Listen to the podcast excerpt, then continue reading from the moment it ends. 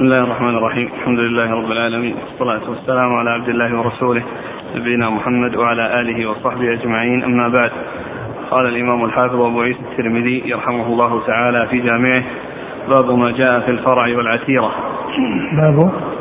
ما جاء في الفرع والعتيرة.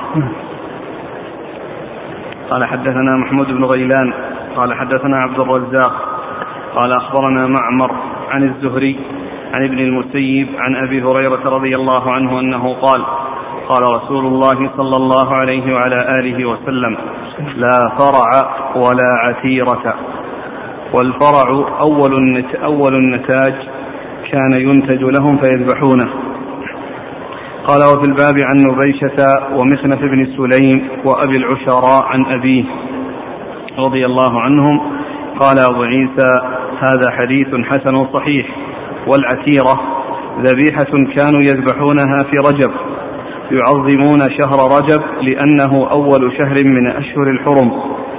وأشهر الحرم رجب وذو القعدة وذو الحجة والمحرم. وأشهر الحج شوال وذو القعدة وعشر من ذي الحجة. كذلك روي عن بعض أصحاب النبي صلى الله عليه وآله وسلم وغيرهم.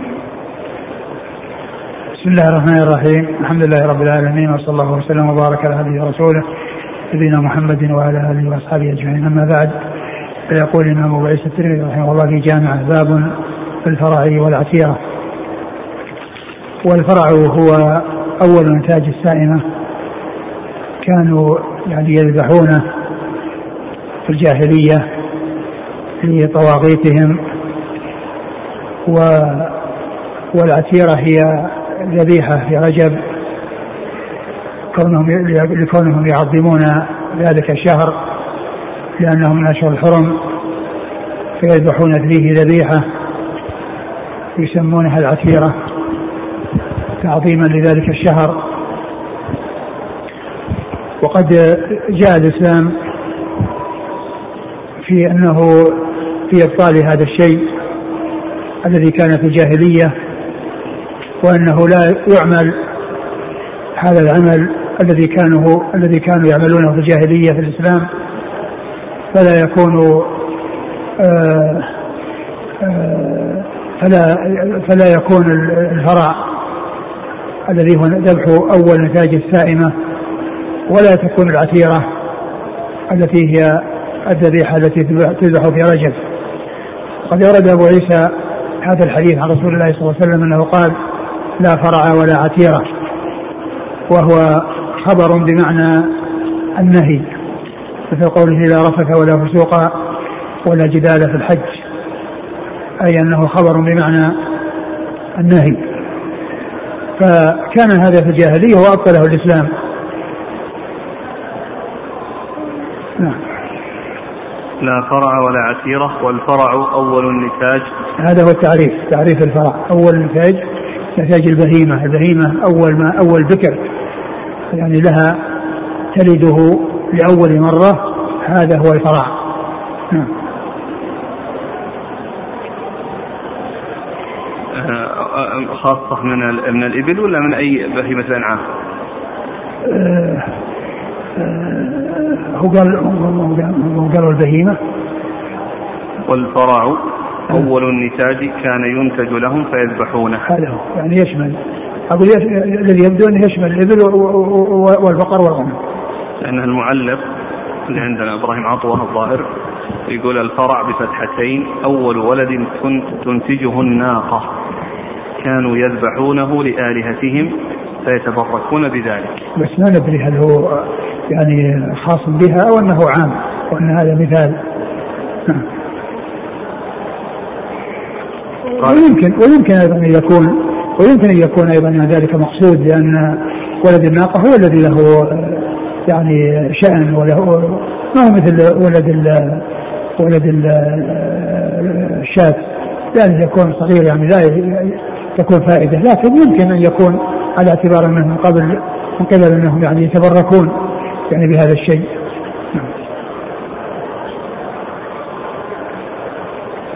قال حدثنا محمود بن غيلان محمود بن غيلان ثقة أخرج أصحابه في ستة إلا أبا داود عن عبد الرزاق عبد الرزاق بن همام الصنعاني اليماني ثقة أخرجه أصحاب الكتب الستة. عن معمر معمر بن راشد الأزدي البصري ثقة أخرجه أصحاب أصحاب الكتب الستة. عن الزهري الزهري محمد بن مسلم بن عبيد الله ثقة أخرجه أصحاب الكتب الستة. عن ابن المسيب المسيب سعيد المسيب وهو ثقة فقيه أخرجه أصحاب الكتب الستة. عن أبي عن هريره أبي هريرة عبد الرحمن بن صخر الدوسي رضي الله عنه أكثر الصحابة الحديث. وفي الباب عن نبيشة. نبيشة أخرج مسلم وأصحاب السنن. مسلم وأصحاب السنن. و- ومخنف أخرج له أصحاب السنن. أصحاب السنن. وأبي العشراء عن ابيه وأبو العشرة عن أبيه أبو العشرة أخرج له. مجهول أخرجه أصحاب السنن. مجهول أخرجه أصحاب السنن. وأبوه كذلك. وأبوه صحابي أخرجه أصحاب السنن. قال والعتيرة ذبيحة كانوا يذبحونها في رجب يعظمون شهر رجب لأنه أول شهر من أشهر الحرم.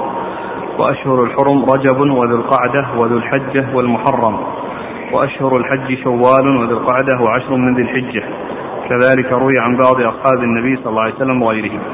لما ذكر رجب ذكر الأشهر الحرم التي رجب واحد منها وهو شهر منفرد في في وسط السنة.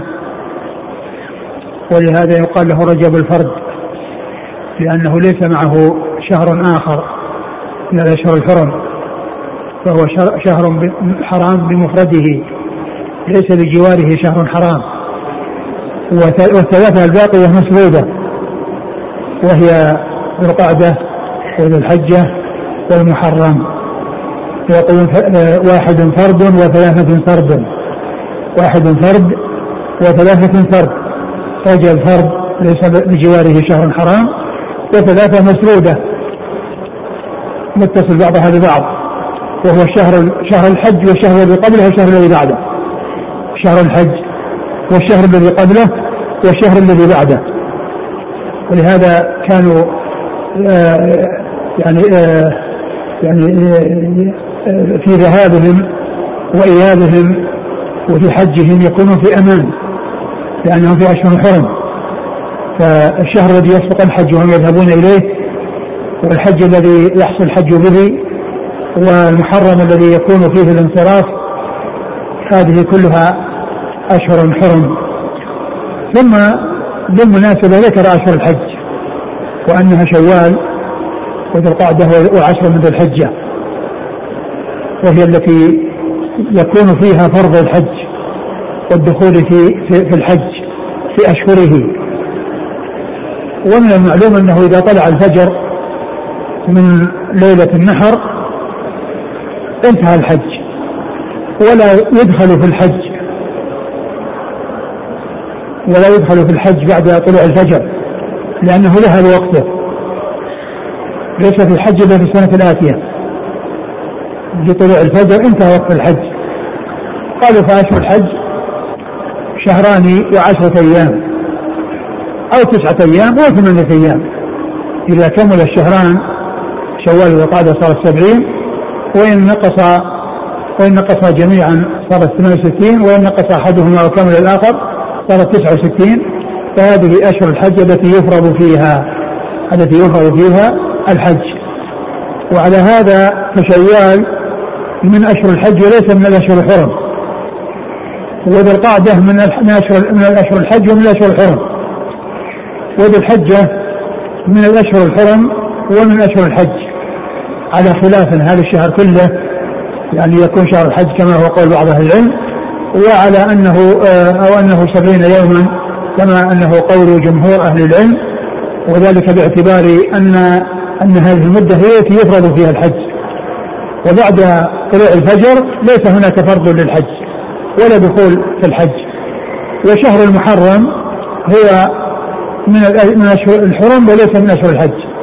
شهر المحرم من الأشهر الحرم وليس من أشهر الحج. والفرع أول النتاج كان ينتج لهم فيذبحونه. إذا كان مدرج من كلام من هذا تفسير تفسير بعض الرواة ما أدري. ذكر الشارح كانوا كان المسلمون يفعلونه في صدر الإسلام ثم نسخ. كلام صحيح هذا. نعم. ما أدري ما أدري عن صحة هذا لكن يعني جاء فيها حديث يعني في سيأتي ذكره المصنف ولكنه آه ليس بصحيح. يقول عندنا إذا ولدت البقرة أول مرة يذبحون ولدها ثم يأتون به إلى المسجد ويأكله أهل المسجد. هل هذا يدخل في العتيرة؟ هذا في الفرع. أقول هذا من الفرع. الفرع نعم. أقول هذا من الفرع. يعني الرسول قال لا فرع ولا عتيرة. الأخ يفيد بأن الشيخ الألباني في السلسلة 1996 صح حديث في الإبل فرع وفي الغنم فرع.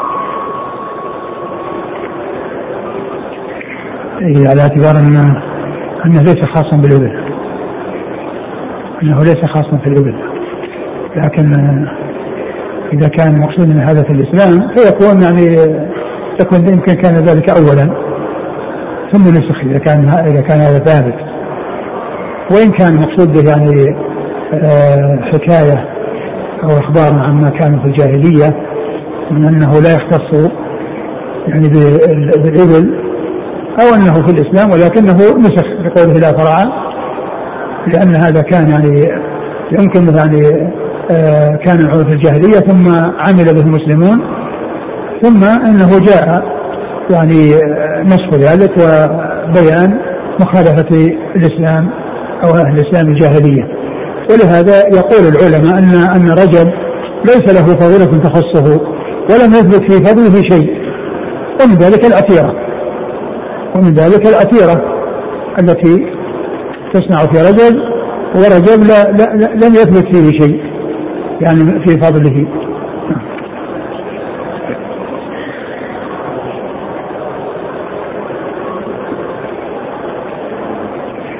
لم يثبت فيه يعني شيء يفعل به. وأما فضله فهو من أشهر الحرم ما ذكره الشارح عن النووي قال النووي نص الشافعي في حرملة على أن الفرع والعتيرة مستحبان ويؤيده حديث نبيشة فذكره ثم قال إيش حديث نبيشة؟ أخرج حديث أبو داود والنسائي وابن ماجه وصححه الحاكم وابن المنذر ولفظه. قال نادى رجل رسول الله صلى الله عليه وسلم إنا كنا نعثر عتيرة في الجاهلية في رجب. فما تأمرنا؟ قال اذبحوا لله في أي شهر كان. قال إنا كنا نفرع في الجاهلية. قال في كل سائمة فرع. تغزوه ماشيتك حتى إذا استحمل ذبحته. وتصدقت بلحمه فإن ذلك خير. ما أدري عن صحته. أقول ما أدري عن صحته لكن يعني مثل ما قال يعني في كل شهر يعني لا, لا يختص الإحسان وفي شهر رجب ولا في غيره وكذلك يعني ال ال آه، كون المواشي الإنسان يعني يحسن منها ويتصدق منها ويفيد منها. لكن كونها على هذا الذي آه، جاء في الجاهلية هذا هو الذي دل الحديث حديث الباب الذي معنا أنه لا فرع ولا عتيرة وذكر الحافظ في الفتح قد أخرجه أبو داود والنسائي وصحابه بن حبان من طريق وكيع بن عدد.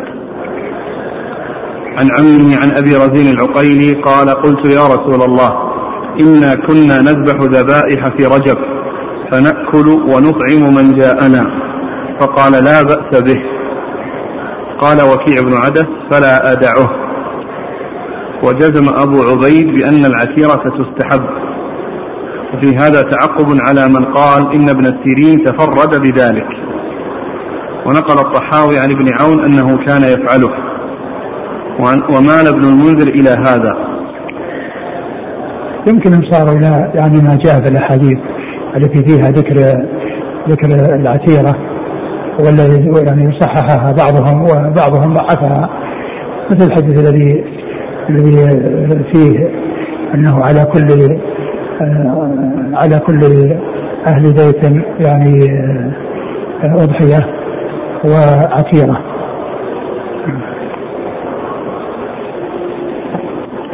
لكن الحديث صححها بعضهم ولكنها يعني آه، إسناده ضعيف. يعني فيه رجل مجهول. نعم.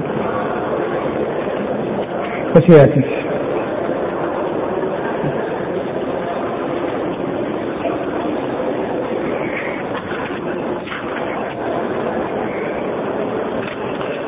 قال رحمه الله تعالى باب ما جاء في العقيقة. قال حدثنا يحيى بن خلف البصري قال حدثنا بشر بن المفضل قال أخبرنا عبد الله بن عثمان بن خثيم عن يوسف بن ماهك أنهم دخلوا على حفصة بنت, بنت عبد الرحمن فسألوها عن العقيقة فأخبرتهم أن عائشة رضي الله عنها أخبرتها أن رسول الله صلى الله عليه وآله وسلم أمرهم عن الغلام شاتان مكافئتان وعن الجارية شاه. قال وفي الباب عن علي وأم كرز وبريدة وسمرة وأبي هريرة وعبد الله بن عمرو وأنس وسلمان بن عامر وابن عباس رضي الله عنهم أجمعين. قال أبو عيسى حديث عائشة حديث حسن صحيح. وحفصة هي بنت عبد الرحمن بن أبي بكر الصديق. ثم أبو عيسى باب في العقيقة. العقيقة هي ما يذبح من أجل المولود. عند أو بعد ولادته وهو من شكر الله عز وجل على نعمة الولد.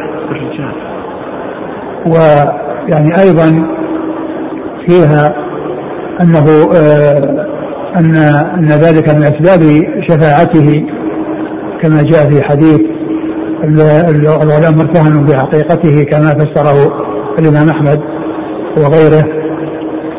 فهي من شكر الله عز وجل على نعمة الولد. والسنة أنها تكون في اليوم السابع.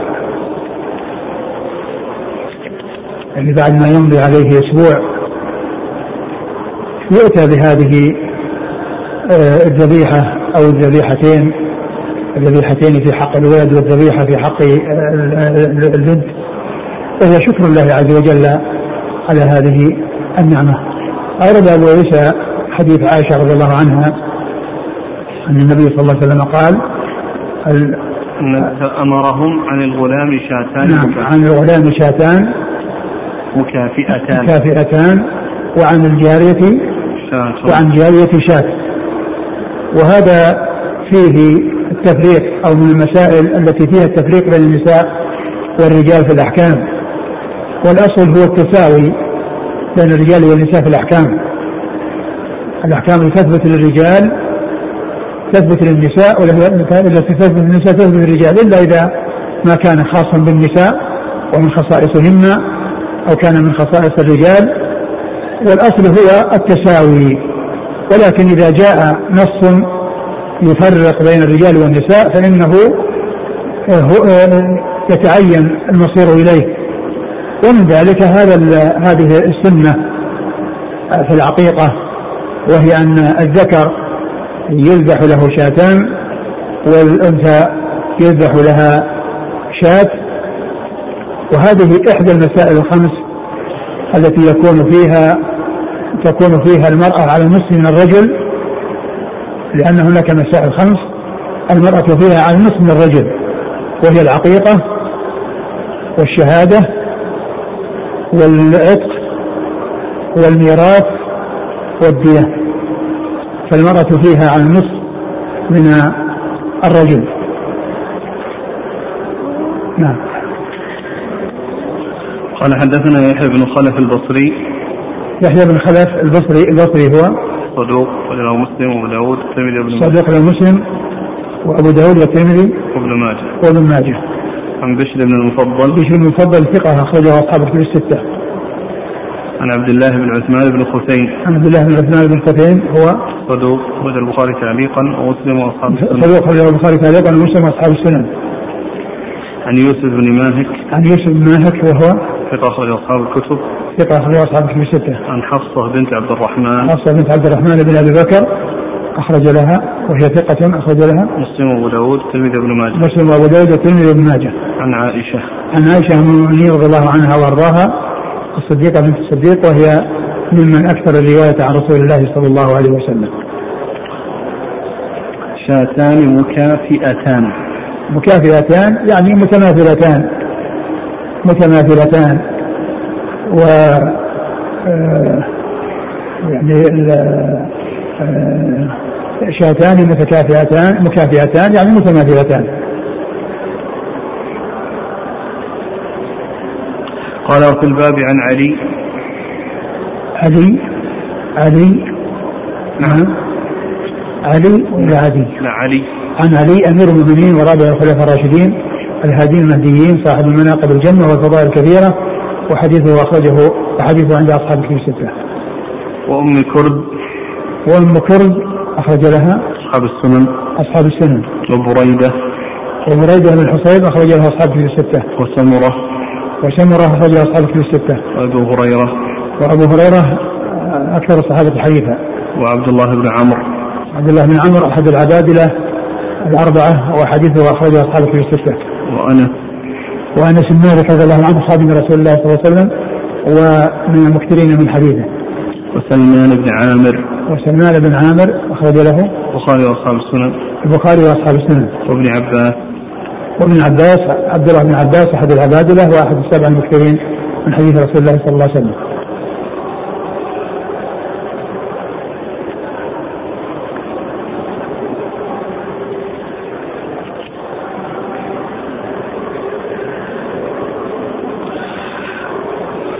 يقول الأخ هل العقيقة تأخذ أحكام الأضحية من حيث الأكل والتصدق والادخار هو ما فيه يعني نص يعني يعني فيها لكن لكنها تقاس على الأضحية في أحكامها فيما يجزي وما لا يجزي. نعم. يقول في بلادنا تكون العقيقة بعد ثلاثة أسابيع أو أسبوعين إذا كانت الولادة قيصرية أي بفتح البطن. ما هناك يعني شيء يعني يميز بين طريقة الولادة. وأن إذا كانت كذا فالعقيقة تكون كذا وإذا كانت كذا فتكون كذا. والحديث الذي فيه الأسبوع الثاني والثالث ليس بصحيح. وإنما يكون في اليوم السابع هذا هو المستحب ويمكن أن تفعل في غير ذلك. يقول آه، اليوم السابع يعتبر العد من يوم الولادة. من يوم الولادة. يعتبر اليوم الأول. نعم. وبعض أهل العلم قال إنه في اليوم الذي يليه ولكن الأظهر أنه من يوم الولادة لأن يوم الولادة معدود ومحسوب ولد في يوم كذا فيحسب أسئلة والدي لم يعق عني فهل يجوز أن أعق عن نفسي وكذلك عن إخواني؟ لا لا تعق وإنما يعني إذا أردت أحسن إلى الناس آه وإلى الفقراء والمساكين دون أن يكون ذلك حقيقة. هل يجب ذبح شاتين في وقت واحد؟ لا ليس بلازم. الأولى أن تكون في وقت واحد ويجوز أن تكون في مكان واحد ويجوز أن تكون متفرقة لأن إذا كانت الزوجة في بلد والزوج في بلد أن هذا يذبحون شاة وهذا يذبحون شاة. لا ليس في بأس. هل تكون العقيقة من الإبل والبقر أو من الغنم فقط؟ هو جاء أنها من الغنم وأنها شاتان آه للذكر وشاة الأنثى ولكن قالوا يجوز أن تكون من الإبل وأن تكون من البقر ولكن على سبيل الانفراد. ما هو على سبيل الاشتراك؟ بأن يكون يعني سبعة يعني يشتركون في بدنه أو في بقرة يعني على أساس أنهم سبعة يعق عنهم وإنما كل يعني يهراق له دم. ويذبح له دم. فليست مثل فلا فلا يقال إنها مثل مثل ال ال الهدي والاضحيه يعني يشتركون في سبعة. سبعة يشتركون في بدنة وسبعة يشتركون في بقرة. وإنما يفرق دم لكل آه، يعني مولود. إما دمان أو دم واحد. أو دم واحد إذا كان مثلا آه، أرادوا أن يذبحوا بعير. لا بأس بذلك. أو بقرة لا بأس بذلك. بدون بدون تكرار يعني ما يقال إن إن هذا يذبح له ثنتين ناقتين وهذا المرأة ناقة واحدة. وإنما من أراد أن يذبح يعني آه، ناقة فله ذلك. لكن ما ما يشترك فيها سبعة أشخاص على أساس أنها تكون عقيقة لكل واحد منهم. يقول اجتمع العقيقة مع الأضحية. وأضحي وأعق عن في بقرة أو نعم لا. لا ما ما يجعل العقيقة مع البقرة لأن الضحية ممكن اشتراك فيها وأما العقيقة ما يشترك فيها. عنها لواحد يعني نفس للرجل. ولو كان ولو كان لأن لابد أن تذبح العقيقة على حدة والضحية على حدة.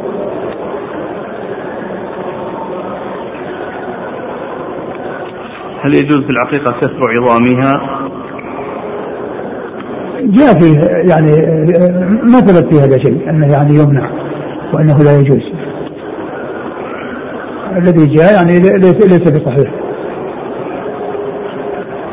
إذا لم يكن عندي قيمة العقيقة فعققت بواحدة فقط.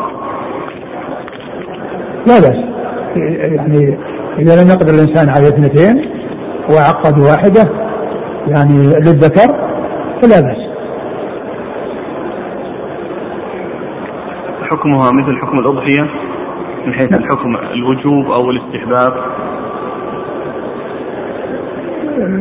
الأضحية مستحبة وأما العقيقة ما أدري وش شوف إيش كان الشام فيها. ما أدري. حكمها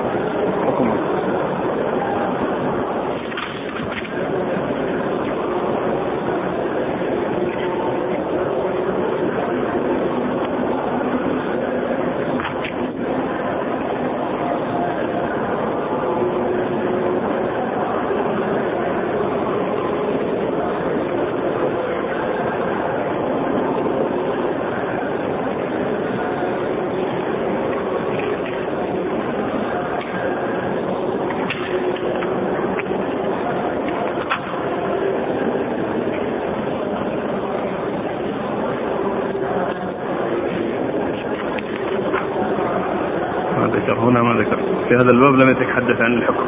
نعم. قل هنا في هذا الباب ما تحدث عن حكمها.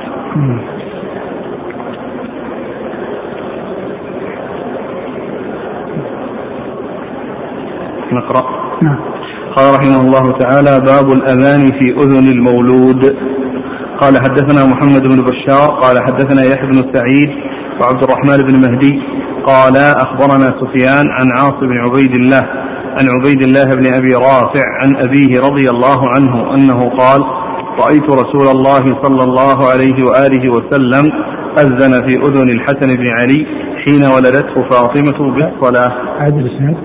قال حدثنا محمد بن بشار قال حدثنا يحيى بن سعيد وعبد الرحمن بن مهدي قال أخبرنا سفيان عن عاصم بن عبيد الله عن عبيد الله بن أبي رافع عن أبيه رضي الله عنه أنه قال رأيت رسول الله صلى الله عليه وسلم أذن في أذن الحسن بن علي حين ولدته فاطمة بالصلاة. قال أبو عيسى هذا حديث حسن صحيح والعمل في العقيقة على ما روي عن النبي صلى الله عليه وسلم من غير وجه عن الغلام شاتان مكافئتان وعن الجارية شاة. وروي عن النبي صلى الله عليه وسلم أيضا أنه عق عن الحسن بشاة. وقد ذهب بعض أهل العلم إلى هذا الحديث. ثم أورد أبو عيسى حادثة وهي باب الأذان في أذن الصبي. وأورد فيه حديث آه، أبي رافع رضي الله تعالى عنه أنه قال رأيت النبي صلى الله عليه وسلم أذن في أذن الحسن في الصلاة. يعني إعلان الصلاة. يعني إعلان الصلاة يعني في أذن الحسن. والمقصود من ذلك أنه يعني يطرق يعني سمعه أول يعني ما يطرق سمعه آه ذكر الله عز وجل آه كما أن تحنيكه يعني بالتمر أول ما يدخل إلى جوفه يعني الحلو وهذه الحلاوة. لكن الحديث ضعيف لأن في إسناده عاصم بن عبيد الله عاصم بن عبيد الله وهو ضعيف. وبعض أهل العلم يعني يعني صحح كالترمذي صحح هذا الحديث لكن الحديث يعني فيه الإسناد فيه عاصم بن عبيد الله فهو ضعيف. فالحديث غير ثابت. نعم. قال حدثنا محمد بن بشار. محمد بن بشار ملقب بن دار ثقة أخرج أصحاب في الستة. عن يحيى بن سعيد. يحيى بن سعيد القطان ثقة أخرج أصحاب في الستة. وعبد الرحمن بن مهدي. عبد الرحمن بن مهدي ثقة أخرج أصحاب في الستة. عن سفيان. سفيان الثوري ثقة أخرج أصحاب في الستة. عن عاصم بن عاصم بن عبد الله ضعيف أخرج له. البخاري في خلق أفعال العباد وأصحاب السنن. البخاري في خلق أفعال العباد وأصحاب السنن. عن عبيد الله بن أبي رافع. عبيد الله بن أبي رافع ثقة أخرجه أصحاب في الستة. عن أبيه. عن أبيه أبو رافع أخرجه أصحاب في الستة.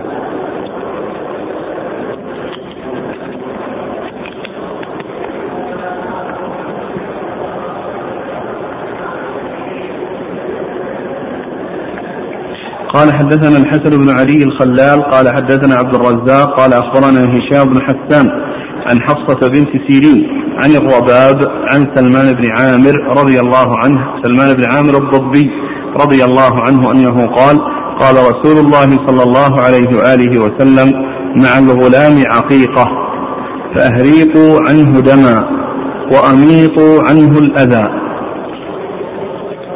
أبو عيسى حديث سلمان. بن عامر الضبي رضي الله عنه وهو ليس مناسبا لهذا الباب الذي هو في الأذان الأذان في أذن الصبي وإنما يناسبه الباب الأول الذي قبل هذا. فيعني ذكره في هذا الباب يعني ليس له مناسبة وهو دال على العقيقة قال مع العقيقة مع الغلام العقيقة فأهريقوا له دما وأميطوا وأميطوا عنه الأذى. وأميطوا عنه الأذى. يعني آه آه هذا يدل على مشروعية العقيقة وعلى أنه يهراق له دم. وقد جاءت السنة في تفسير هذا الدم الذي يهراق وذلك في حديث عائشة المتقدم وكذلك غيره من الأحاديث أنه عن الجارية عن غلام شاتان وعن الجارية شاة واحدة. والأذى الذي يماط عنه يعني فسر بأنه آه، يعني حلق رأسه حلق رأسه ويعني وإزالة الأذى عنه نعم.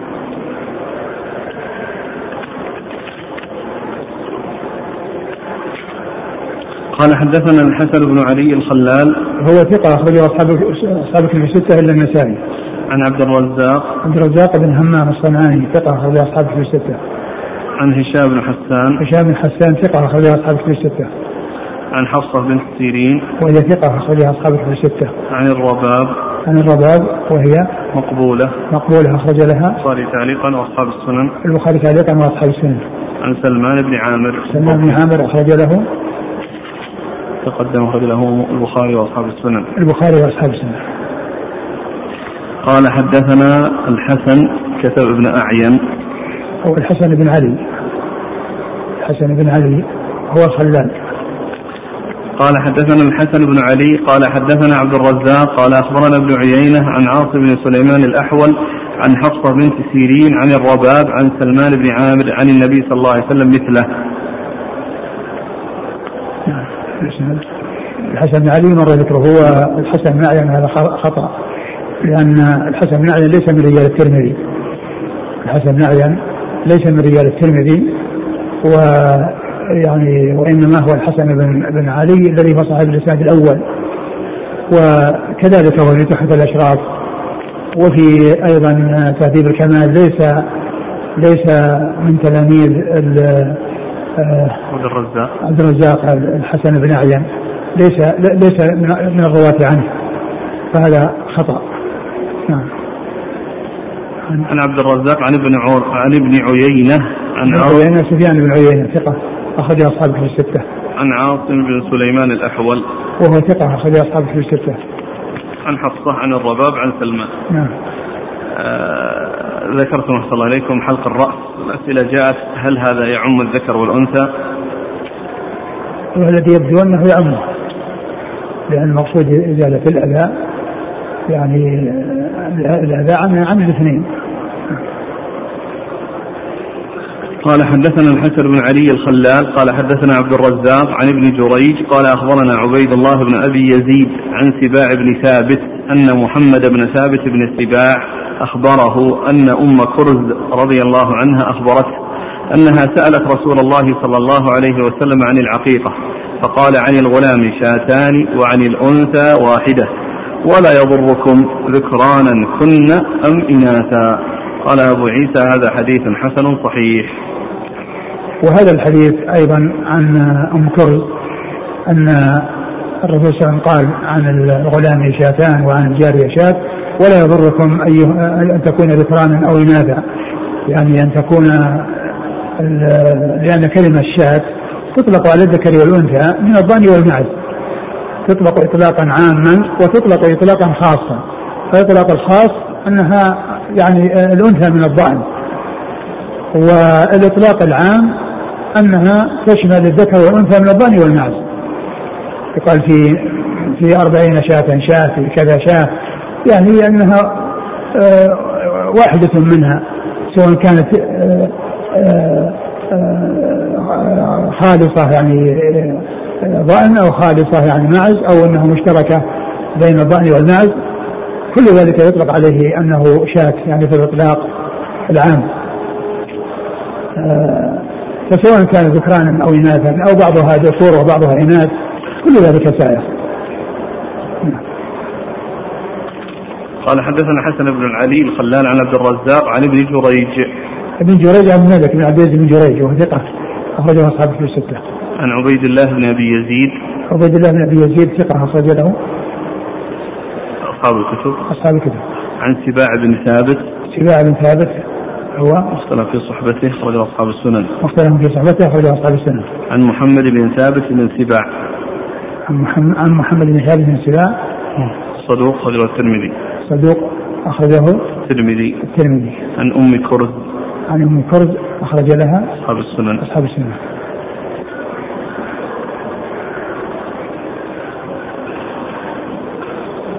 هذا قال سباع في صحبته؟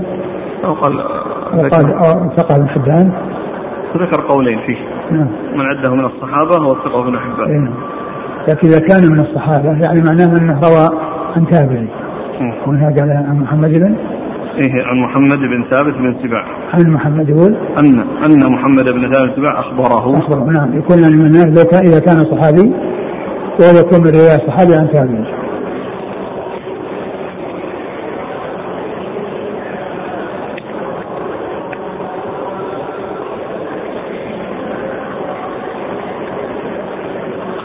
يقول هل يصح الاستدلال بحديث عق النبي صلى الله عليه وسلم عن نفسه بعدما بلغ أربعين سنة على مشروعية العقيق عن الكبير؟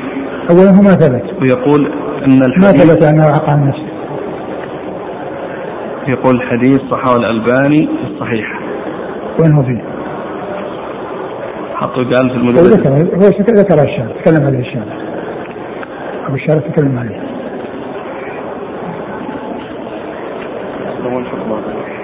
أقول الشارح ذكره في الشرح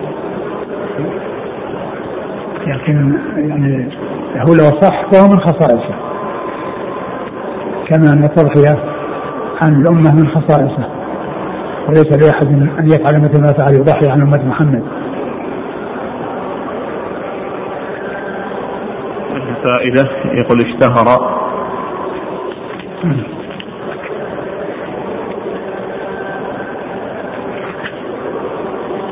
قد اشتهر أنه صلى الله عليه وسلم عق عن نفسه وقد ورد فيه حديث لكنه ليس بصحيح.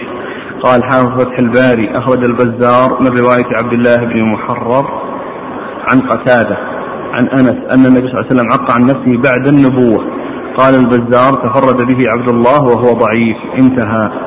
وأخرجه أبو الشيخ من وجهين آخرين أحدهما من رواية إسماعيل بن مسلم عن قتادة وإسماعيل ضعيف أيضا. وقال عبد الرزاق إنهم تركوا حديث عبد الله بن عبد حديث عبد الله بن محرر من أجل هذا الحديث فلعل إسماعيل سرقه منه.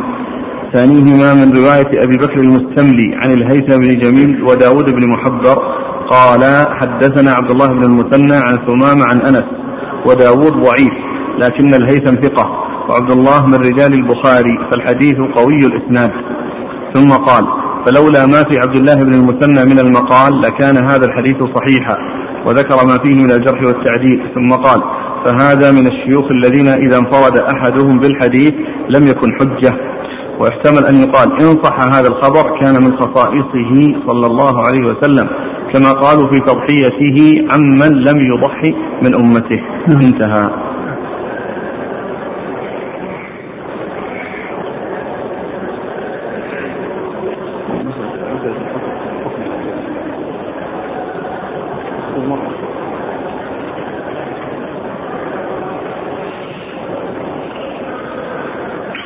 قال رحمه الله تعالى باب. قال حدثنا سلمة بن شبيب قال حدثنا أبو المغيرة عن عفير بن معدان عن سليم بن عامر عن أبي أمامة رضي الله عنه قال قال رسول الله صلى الله عليه وسلم خير الأضحية الكبش وخير الكفن الحلة. قال أبو عيسى هذا حديث غريب وعفير بن معدان يضعف في الحديث. ثم ورد أبو عيسى باب ويعني هو يتعلق بالعقيقة. وهو من الذي قبله. الباب الذي قبله شو؟ الأذان في إذن المولود يعني هذا الأذان ربما جاء داخلا بين حديث العقيقة. يعني لأن الحديث اللي راحت كلها حديث عقيقة. يعني يكون يعني حديث الأذان يعني يعني دخل بينها.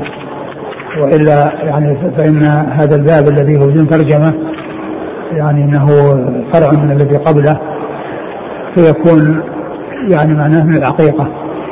وقال آه ولكنها يعني هنا ليس فيه ذكر العقيقة وليس فيه وإنما فيه ذكر الأضحية كما أنه ذكر أيضا أحاديث بعد ذلك تتعلق بالأضحية. وهذا يعني ترتيب يعني آه ليس منتظما لأن حديث العقيقة يعني جاءت متوسطة يعني بين حديث الأضاحي وجاء حديث الأضاحي بعدها ومن هذا الحديث وكذلك الحديث بعض الأحاديث الأخرى التي منها كونه إذا أراد أن يضحي لا يأخذ من شعره ولا من أوفاره فإن هذا لا علاقة له بالعقيقة وإنما علاقته بالأضحية.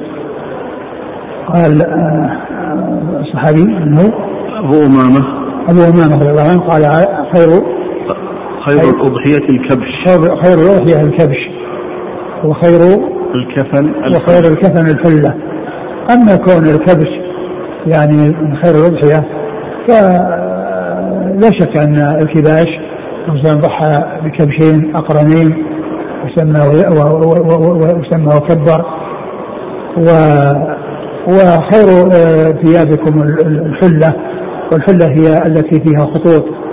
ولكن جاء في الحديث الصحيح خير ثيابكم البيض. ويعني وأنهم يكفرون فيها موتاهم. الحديث هذا في اسناده آه، آه، ابن معدان. عفير. نعم. عفير. عفير بن معدان وهو ضعيف. نعم. قال حدثنا سلمة بن شبيب. سلمة بن شبيب هو؟ ثقة أخرجه مسلم وأصحاب السنن. ثقة أخرجه مسلم وأصحاب السنن. عن أبي المغيرة. عن أبي المغيرة وهو؟ ثقة أخرج أصحاب الكتب. ثقة أخرج أصحاب الكتب الستة. عن عفير بن معدان. عن عفير وهو ضعيف أخرج له. الترمذي وابن ماجه. الترمذي وابن ماجه. عن سليم بن عامر. سليم بن عامر هو ثقة أخرج البخاري في المفرد ومسلم وأصحاب السنة. ثقة أخرج البخاري في الأدب المفرد ومسلم وأصحاب السنة. عن أبي أمامة. أبي أمامة صدي بن عجلان الباهلي رضي الله عنه أخرج له أصحاب الكتب الستة. قال أبو عيسى هذا حديث غريب وعفير بن معدان يضعف في الحديث. نعم. قال رحمه الله تعالى باب قال حدثنا أحمد بن منيع قال حدثنا روح بن عبادة قال حدثنا ابن عون قال حدثنا أبو رملة عن مخنف بن سليم رضي الله عنه أنه قال كنا وقوفا مع النبي صلى الله عليه وسلم بعرفات فسمعته يقول يا أيها الناس على كل أهل بيت في كل عام أضحية وعتيرة. هل تدرون ما العتيرة؟ هي التي تسمونها الرجبية.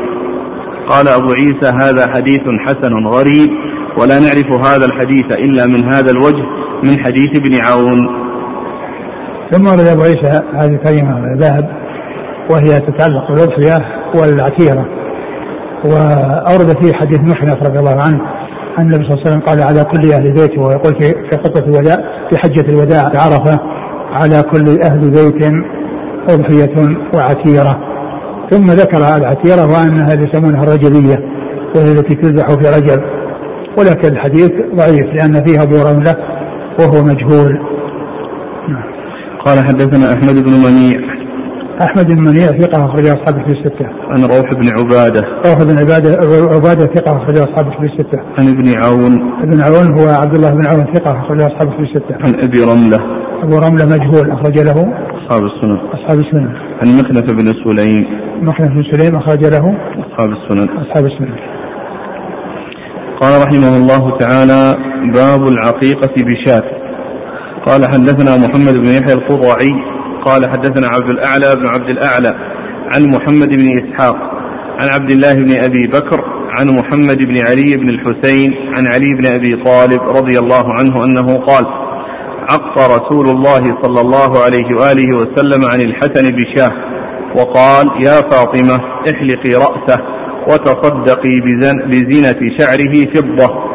قال فوزنته فكان وزنه درهما أو بعض درهم. قال أبو عيسى هذا حديث حسن غريب وإسناده ليس بمتصل. وأبو جعفر محمد بن علي بن الحسين لم يدرك علي بن أبي طالب. ثم ورد أبو عيسى حديث آه، باب باب العقيقة بشاة. باب العقيقة بشاة. يعني أن العقيقة تكون هي بشاتين ولكن إذا لم يقدر الإنسان على على ذلك فإنه يأتي بشاة. وهذا بالنسبة للذكر. وأما الأنثى فإنه يعق عنها بشاة كما جاء في الحديث آه الذي آه الذي مر شاتان مكافئتان عن الغلام وعن الجارية آه شاة شاة واحدة. و ورد أبو عيسى حديث حديث علي رضي الله عنه. قال عق رسول الله صلى الله عليه وسلم عن الحسن شاه. عق عن الرسول عن الحسن شاه. ولكن الاسناد هذا فيه انقطاع لأن محمد بن علي بن حسين لم يدرك جده علي بن أبي طالب رضي الله تعالى عنه وأرضاه. ولكن إذا لم يستطع الإنسان آه، اتقوا الله ما استطعتم. وقال يا فاطمة احلقي رأسه وتصدقي وتصدقي بزينة شعره فضة. وهذا أيضا فيه حلق الشعر وفيه التصدق بزينة فضة. وقد جاء في يعني في, في أحاديث أخرى غير هذا الحديث يعني فيما يتعلق بحق الشعر وبالتصدق. قال حدثنا محمد بن يحيى القطعي. هو صدوق خرجه مسلم وأبو داود والترمذي والنسائي. صدوق خرجه مسلم وأبو داود والترمذي والنسائي. عن عبد الأعلى بن عبد الأعلى. وهو ثقة أخرجه أصحاب الكتب الستة. عن محمد بن إسحاق. محمد بن إسحاق المدني صدوق أخرجه البخاري تعليقا مسلم وأصحاب السنن. عن عبد الله بن أبي بكر. عبد الله بن أبي بكر ثقة أخرجه أصحاب الكتب الستة. عن محمد بن علي بن الحسين. وهو ثقة أخرجه أصحاب الكتب الستة. عن علي, علي رضي الله عنه وقد مر. قال رحمه الله تعالى باب. قال حدثنا الحسن بن علي الخلال قال حدثنا أزهر بن سعد السمان عن ابن عون عن محمد بن سيرين عن عبد الرحمن بن أبي بكرة عن أبيه رضي الله عنه أن النبي صلى الله عليه وآله وسلم خطب ثم نزل فدعا بكبشين فذبحهما. قال أبو عيسى هذا حديث حسن صحيح. ثم أورد أبو عيسى هذا الحديث عن البكرة وأن النبي صلى الله عليه وسلم يعني ذبح كبشين وضحى بكبشين. قد مر هذا الحديث مر الحديث الذي فيه أنه ضحى بكبشين. وهذا كما ذكرت يعني الترمذي رحمه الله حديث الوصية فرقها فأتى بالعقيقة في وسطها وأتى قبلها بأحكام بأحاديث الأضحية وبعدها بأحاديث الأضحية. وهذا مطابق للحديث الذي سبق أن مر أنه ضحى بكبشين أقرنين أول حديث في في الأضاحي. نعم. قال حدثنا الحسن بن علي الخلال عن أزهر بن سعد السمان. أزهر هو؟ ثقة أخرج أصحاب الكتب إلا ابن ماجه. ثقة أخرج أصحاب الكتب إلا ابن ماجه. عن ابن عون عن محمد بن سيرين. محمد بن سيرين ثقة أخرج أصحاب الكتب الستة عن عبد الرحمن بن أبي بكرة عبد الرحمن بن أبي بكرة ثقة أخرج أصحاب الكتب الستة. عن أبي عن أبي بكرة نفيع بن الحارث أخرجه أصحاب الكتب الستة. قال رحمه الله تعالى باب. قال حدثنا قتيبة. قال حدثنا يعقوب بن عبد الرحمن عن عمرو بن أبي عمرو عن المطلب عن جابر بن عبد الله رضي الله عنهما أنه قال شهدت مع النبي صلى الله عليه وآله وسلم الأضحى بالمصلى. فلما قضى خطبته نزل عن منبره فأتي بكبش فذبحه. فذبحه رسول الله صلى الله عليه وسلم بيده وقال بسم الله والله أكبر هذا عني وعمن لم يضح من أمتي. قال أبو عيسى هذا حديث غريب من هذا الوجه والعمل على هذا عند أهل العلم من أصحاب النبي صلى الله عليه وآله وسلم وغيرهم. أن يقول الرجل إذا ذبح بسم الله والله أكبر وهو قول ابن المبارك والمطلب بن عبد الله بن حنطب يقال إنه لم يسمع من جابر. ثم أورد أبو عيسى حديث باب وهو يعني آه، ليس له ترجمة آه، وأورد في حديث جابر أن النبي صلى الله عليه وسلم كان في المصلى ولما يعني نزل أتي بكبش فذبحه بيده وسمى وكبر و وسمى وكبر وقال هذا عن عن من لم يضحي من أمتي وهذا عن من لم يضحي من أمتي وهذا كما عرفنا من خصائصه صلى الله عليه وسلم أنه يضحي عن عن أمته وعن من لم يضحي من أمته وليس لأحد أن يفعل مثل ما فعل رسول الله صلى الله عليه وسلم. نعم. والرسول جاء عنه أنه ضحى بكبشين وهنا أنه ضحى يعني بكبش. والمطلب قال أنه يقال ولكنه يعني قد يعني سمع من جابر وروى عن جابر. كيف شيخ؟ المطلب. أي نعم. سمع. أي نعم. روى عنه. في في في, ذكر في الشرح. يعني قول قول الترمذي ولا المطلب لم يسمع من جابر. يقال. آه. قال يقال. لكن شوف الشرح إيش قال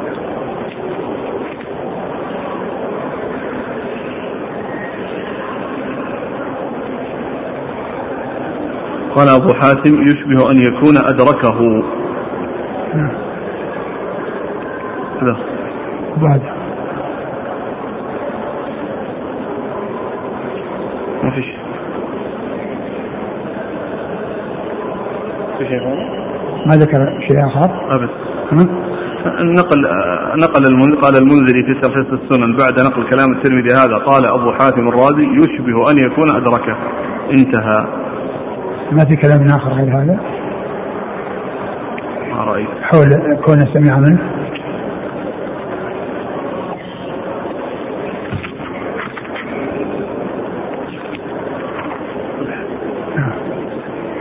ما في شيء قبله ولا بعده؟ لا لا لأنه هو تعليق على حديث خمسة أسطر هو كلام الترمذي يعني آه، هو بالتمريض يقال. والمطلب متى جابر متى توفي؟ تقريبا.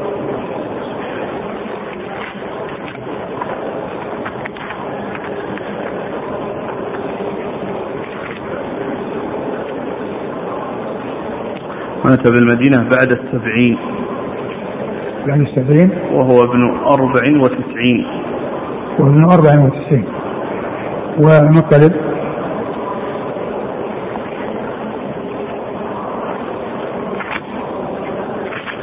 كم عمره؟ هل يذكر عمره؟ وفاته ومدة عمره؟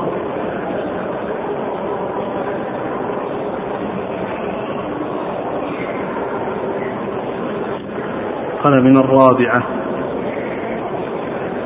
ولا ذكر يعني وفاته ومدة عمره؟ لا. لأن مدة عمره هي التي يمكن أن يعرف بها يعني كونه يعني أدرك منه يعني شيئا كثيرا أو قليلا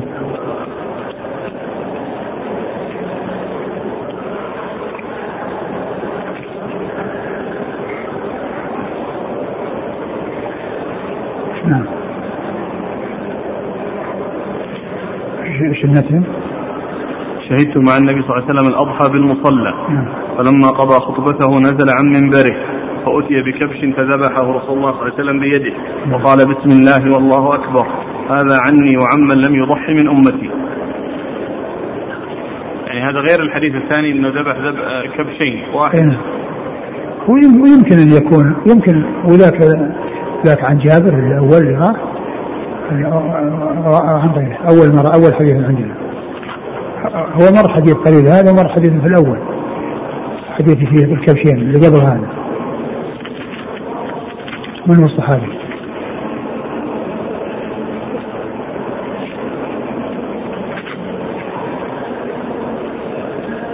أن الإنسان ضحى بكبشين أملحين أقرنين ذبحهما بيده وسمى وكبر ورجله على صفحيهما هذا حديث من؟ هذا حديث أنس بن مالك. هذا هو الحديث اللي مر أمس الآن الحديث الذي مر قريبا. أنه ضحى بكبشين نزل فدعا بكبشين فذبحهما. من هو عنه؟ حديث أبي بكر. أبي بكر.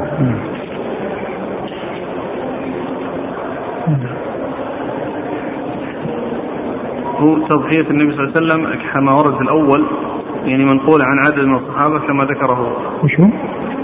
يعني آه، تعلمون تضحية نعم إيه. تضحية الرسول صلى الله عليه وسلم؟ أي نعم. كبشين هو أو ب- ب- بالتضع عموما كما عادة الترمذي لما يذكره في الباب.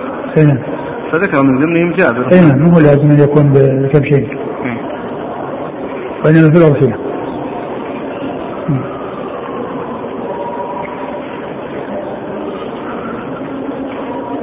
قال حدثنا قتيبة.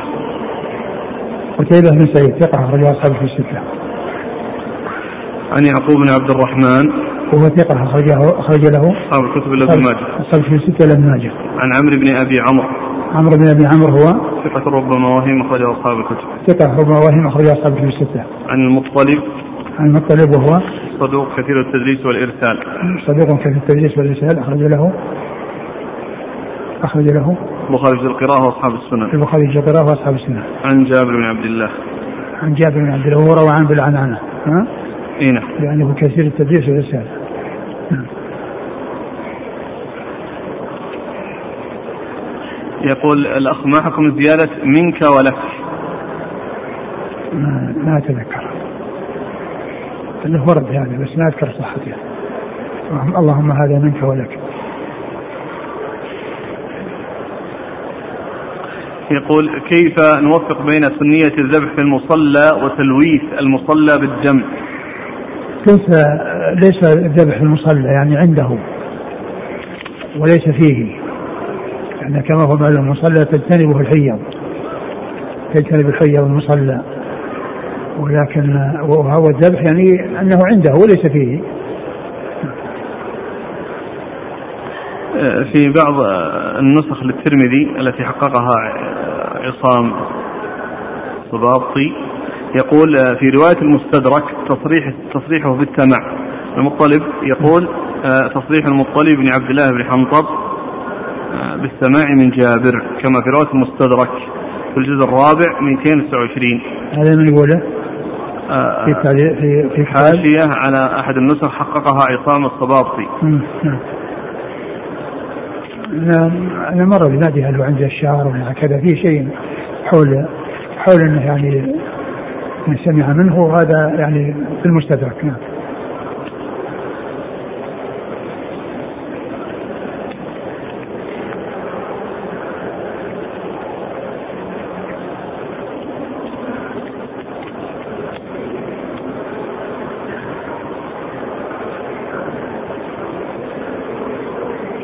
قال رحمه الله تعالى باب من العقيقة.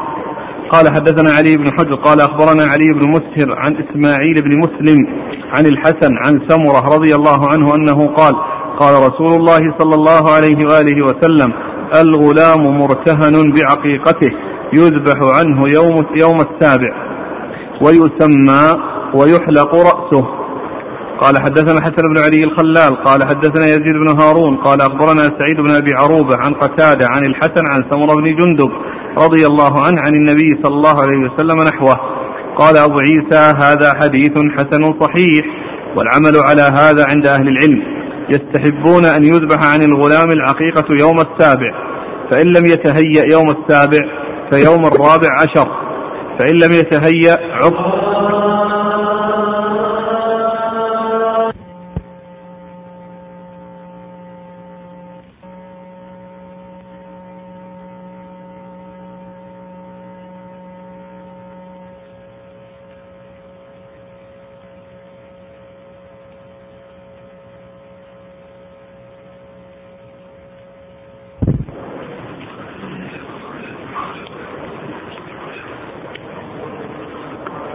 نعم قال والعمل على هذا عند أهل العلم يستحبون أن يذبح عن الغلام العقيقة يوم السابع فإن لم يتهيأ يوم السابع فيوم الرابع عشر فإن لم يتهيأ عق عنه يوم حادد وعشرين. وقالوا لا يجزئ في العقيقة من الشاه إلا ما يجزئ في الأضحية. انتهى. نعم.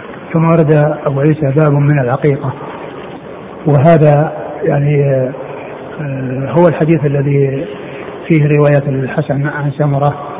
وهي متصلة. والذي قالوا إنه سمعه وما عداه فإنه مختلف فيه. وما عدا هذا الحديث فإنه مختلف في سماعه. والذي ثبت سماعه هو هذا الحديث حديث العقيقة. هذا الذي معنا. وقد جاء من طريق ضعيف فيها سليمان إسماعيل بن إسماعيل إسماعيل بن إسماعيل بن مسلم. مسلم وجاء من طريق أخرى صحيحة. وقوله صلى الله عليه وسلم ال ال إيش الغلام؟ الغلام مرتهن بعقيقته. نعم الغلام مرتهن بعقيقته.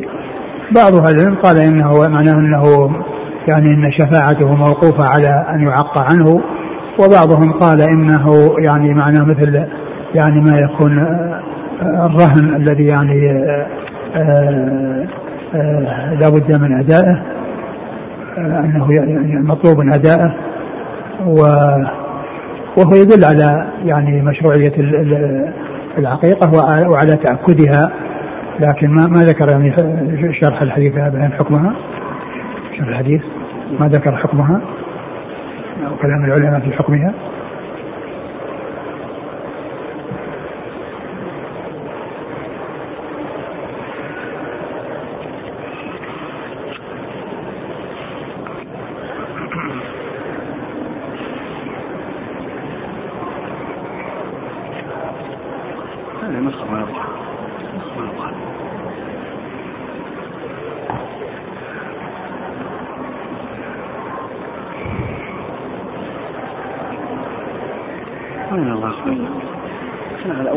بعد اللي قال؟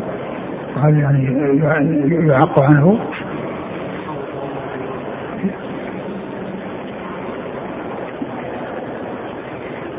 لما تكلم عن هذا المرتهن قيل معناه أن العقيقة لازمة لا بد منها. فشبه المولود في لزومها وعدم انفكاكه منها بالرهن في يد المرتهن. نعم. وهذا يقوي قول من قال بالوجوب. بس وش قال بعده؟ يسمى يذبح عنه يوم السابع. يذبح عنه يوم السابع لأن العقيقة. يعني يستحب أن تكون في اليوم السابع. ويسمى أيضا ويحلق رأسه. نعم, نعم. ويحلق رأسه. يسمى يعني جاء جاءت الأدلة على أنه يسمى قبل اليوم السابع. كما في صحيح مسلم عن أن النبي صلى الله عليه وسلم قال ولد ليلة لي غلام وسميته باسم أبي إبراهيم.